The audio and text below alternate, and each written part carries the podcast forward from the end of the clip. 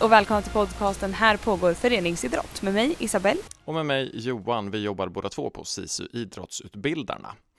Och det här avsnittet så eh, kommer det vara jag som sköter själva intervjun. Eh, vanligtvis brukar det vara två, men den här gången fick jag ta hand om intervjun själv. Och jag har träffat Tim Gill ifrån eh, London, Storbritannien.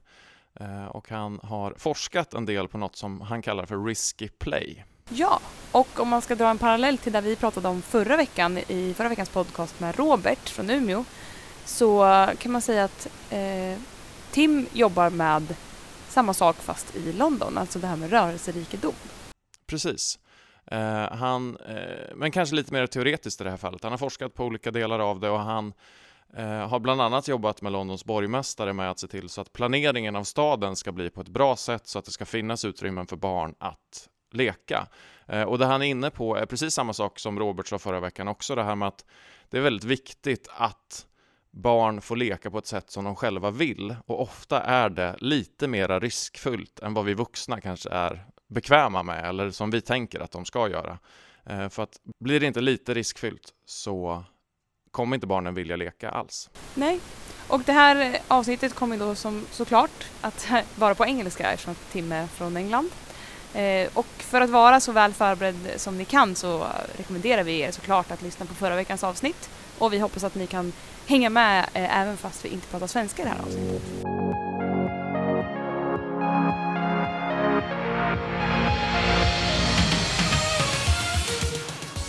And then I say welcome to you Tim. Thank you. Uh, can you describe who you are for just a short bit? Sure. So, uh, I am an independent researcher and consultant. I'm based in London, but I work all over the world. And I'm interested in children's everyday lives, children's freedoms, children's play, and why these things matter to children, uh, what adults can do about it, uh, and, and the problems that, that happen when children don't have enough freedom and time and space to play in their lives. Why does this interest you? Well, that's a good question. Um, I actually f- kind of fell into this topic 25 years ago when I got a s- job in a small NGO that looked at children's play. And of course, I had some interest, but it, it was. Uh, it looked like an interesting job, and to cut a long story short, I found the topic fascinating.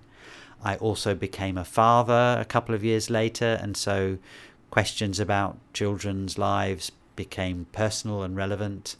But mainly, I I I've never got bored. I'm always uh, uh, interested, and I feel like some of the work that I'm doing is making a difference as well. So I've stuck around, and I left the NGO because the NGO started getting bigger, and I could see that I would have to become a a manager of a bureaucracy, and I didn't want to do that. So I, I went off on my own, but still really looking at the same issues. Okay. Uh, you have said that children's lives are changing. What do you mean by that? Well, the change that I'm interested in the most is what I call the shrinking horizons of childhood. The way that children live their lives today in much more constrained and controlled ways. They're, they're uh, in sight of adults for longer. They're indoors for longer. They're in institutions for longer, whether it's school, childcare, clubs, even. And none of those things are bad in themselves. But what I feel is a problem is the time that children have that is free for them for them to decide what they want to do. In other words, for play and for exploring and having what I call everyday adventures that those experiences are disappearing from children's lives. And I do think that those experiences are valuable, and that uh, if children don't have them, then um, it can, you know, it can leave them struggling to, to, to figure out how to take on responsibility for themselves as they grow up. If you see these effects by this development, why do you think it has happened? There are all sorts of things that in society that have changed that on the one hand are kind of pushing children indoors and we know about some of them screens um, uh, parents working longer hours um, more fears about crime, more traffic. If we look 20, 30, 40 years, those are all big changes. Um, and and also I think I think a culture change that that we are all spending more of our lives indoors, and so of course that has an effect on children as well.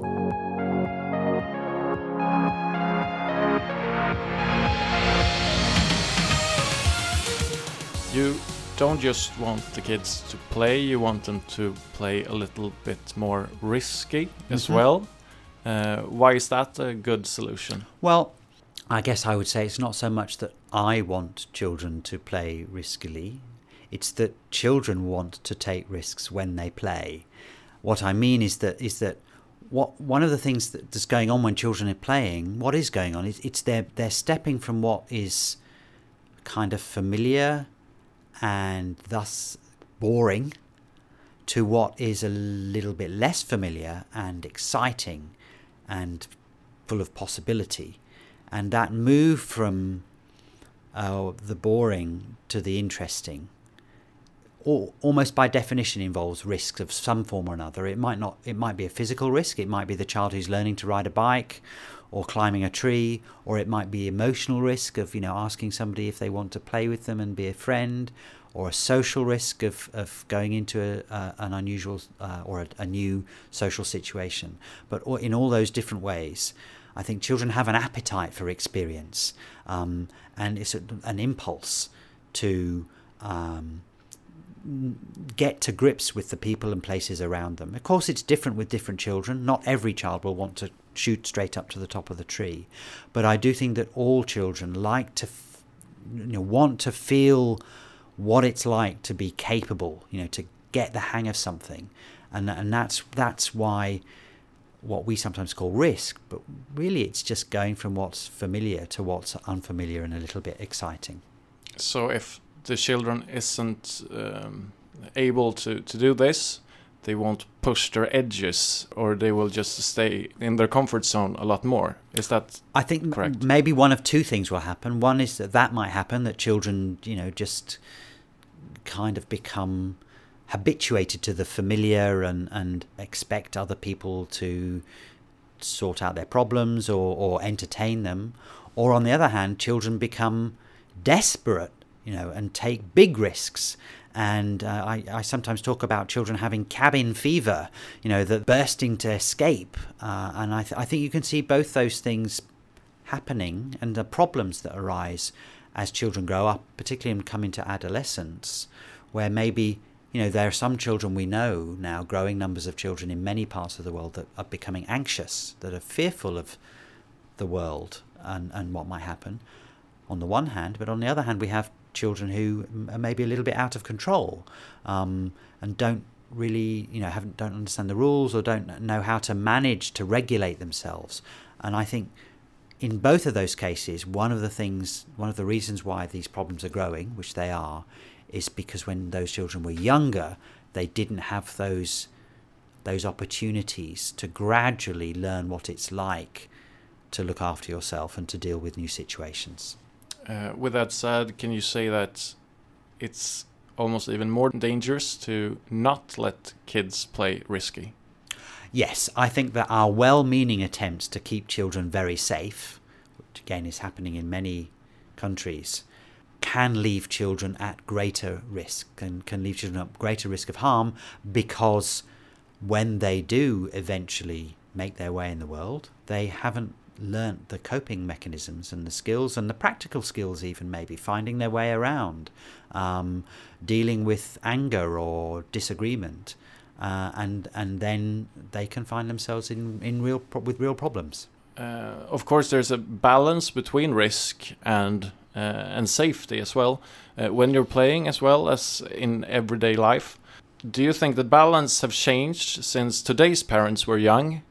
Yes, I do. I think uh, maybe the the emphasis is now much more on safety for all of us. You know that that if if something bad happens to a, a child, then it's somebody's fault and somebody's to blame, whether it's the parent or the teacher or the coach or whoever. And I think that's that is a shift, and I think it's in some cases gone too far. Now I want to be right clear right away. That doesn't mean that you know nobody is ever to blame, and we can just let kids go wild and and not worry about the consequences. We do need a balance. The word balance is a good word, but you know, maybe there was a time 30, 40, 50 years ago when the balance was too far the other way and children had too much freedom.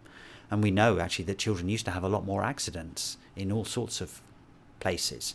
Um, but now I do think the pendulum has swung too far the other way, that the emphasis on safety, on what I call the philosophy of protection, the idea that the, the key job of adults is to keep children safe from harm, to, to eliminate the risks that's a problem. And instead, we need what I call the philosophy of resilience this idea that, you know, our, our really our job as adults around safety is to help children learn how to deal with everyday challenges and to be able to bounce back from them. Not that we our job is to eliminate all challenge and all uncertainty.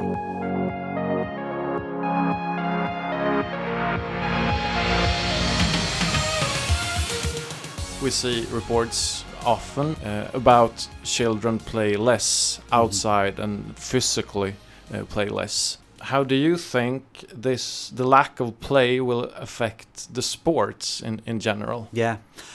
I'm I'm not an expert on sport and sports development, but my my hunch is, and, and I hear people tell me that um, you know the basic sports skills, the physical literacy skills, catching, throwing, balancing, even you know running that that that used to just children would learn naturally as part of their childhood.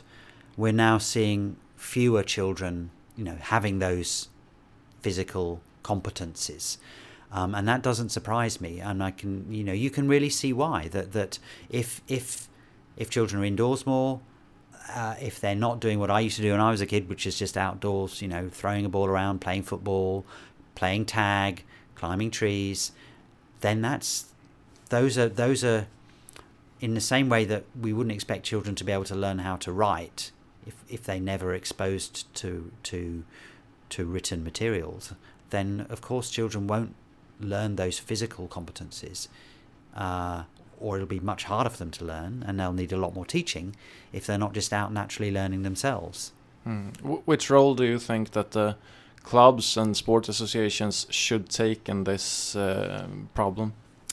Um, well, I would. The first thing is I would hope that the sports clubs and associations would be making the case for kids to just be outdoors and playing, um, and and and for that to happen from from as young as possible and for as much as possible. So it's like that's the foundation. I mean, I, I I'm although I'm not a sports expert, I like sports. I like watching sport. I used to like playing basketball. Um, and I, I do believe that it's really valuable and important for kids to have fun and for, for, for them to, to be engaged in what they're doing, whatever that is, whether it's in school or outside of school. I worry about school getting too, you know, not enough fun. Learning's not enough fun, and I worry about sports maybe not being enough fun, and that and that we're we're putting too much pressure on children too young to win and you know to uh, achieve this grade or that level of performance. Of course, at some point that will come along because sports are often competitive, but I think that the the um, the more we can keep the fun and and keep the mass participation of children, the better. Because I, I don't know what it's like in Sweden, but in England, you see a big drop off of sports participation, especially in the teenage years, because a lot of teenagers are just saying, you know, this is just not fun. And that, well, I think I think one of the reasons is because sport becomes too competitive and too focused on, you know, that journey towards being an elite sports person. And a lot of people aren't really interested in that, but they do want to have fun. Yeah, actually, we see the same same development in Sweden as well, and, and you see also how the the kids starts playing sports in clubs much earlier as well than they did maybe 20 or 15 years ago, uh, and they. Uh, they do the sports for the same amount of time, so they drop out earlier because they start earlier right, as well. Right. Yeah. Uh, and the problem uh, I think is there that the the sports take the place of the play in many kids' lives Mhm. as well. Because I, I don't think that will do any good for the sports uh, results either. Because many will drop out early, as you say, uh, and you don't learn a few basic s- skills that you could have learned when you were six. It's much harder to learn than when you're 14. Yes, and I, I also I'm a big believer in what I sometimes call a kind of you know a, a balanced diet of childhood experience. Yeah, in the same way that we, we we think it's a good thing for children to have a varied diet in terms of food. Um, I think the same thing is true of experiences. So it, I don't think it's it's either sport or play. I really believe a good childhood is is about that mixed uh, diet of child experience around play, arts, creativity, quiet time. It's, it's a, a varied diet is good, I think.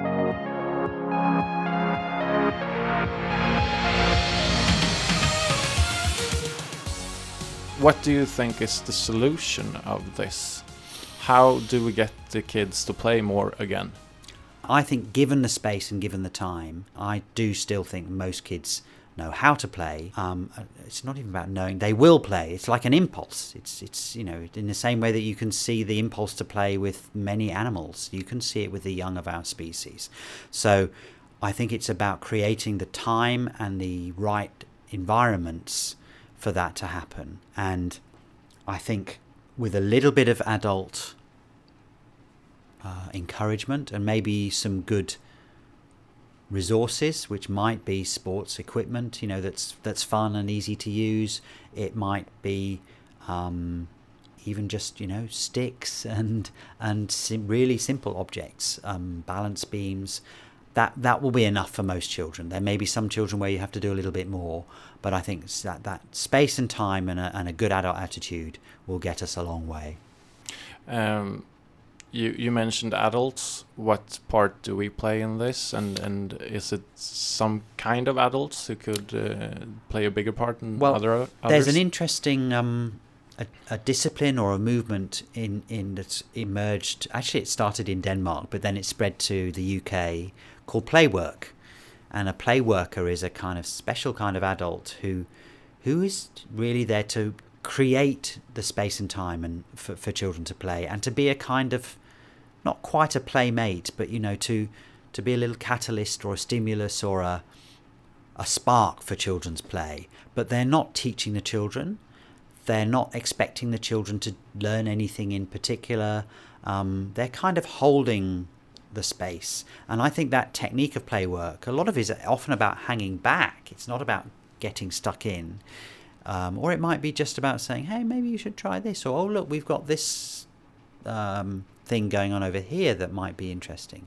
That open ended, non directive, and, and often quite subtle stepping in or holding back. I think that's a really interesting approach to interacting with children. It's a technique that I think is valuable in sport and in creative arts and may, and even in, in, in education as well. So I I and I- parenthood as well, maybe. and of, and of course for parents. Lastly, a majority of the listeners to this podcast is uh, sport coaches. hmm How can they participate in uh, positive development of this? Well, I guess I mean I'm I'm I'm not close enough to the sports coaching world to say anything claim any expertise, but I guess what I would invite sports coaches to think about um, is what might it be like if they sometimes try to make things a little bit more open ended, um, to just let the fun come out, um, to not worry so much about you know the technique development or the performance measures or the you know that side of things. And I'm sure that's something that many sports people are, are thinking about already. But to, to, to just go a little bit further in that direction and, and, and further in the direction of fun and of engagement and um, and to hold back on on the um, you know the competition and the structure and the performance. That's that's my invitation. Thank you a lot for taking the time to visiting our podcast, Tim. It's a pleasure. Thank you.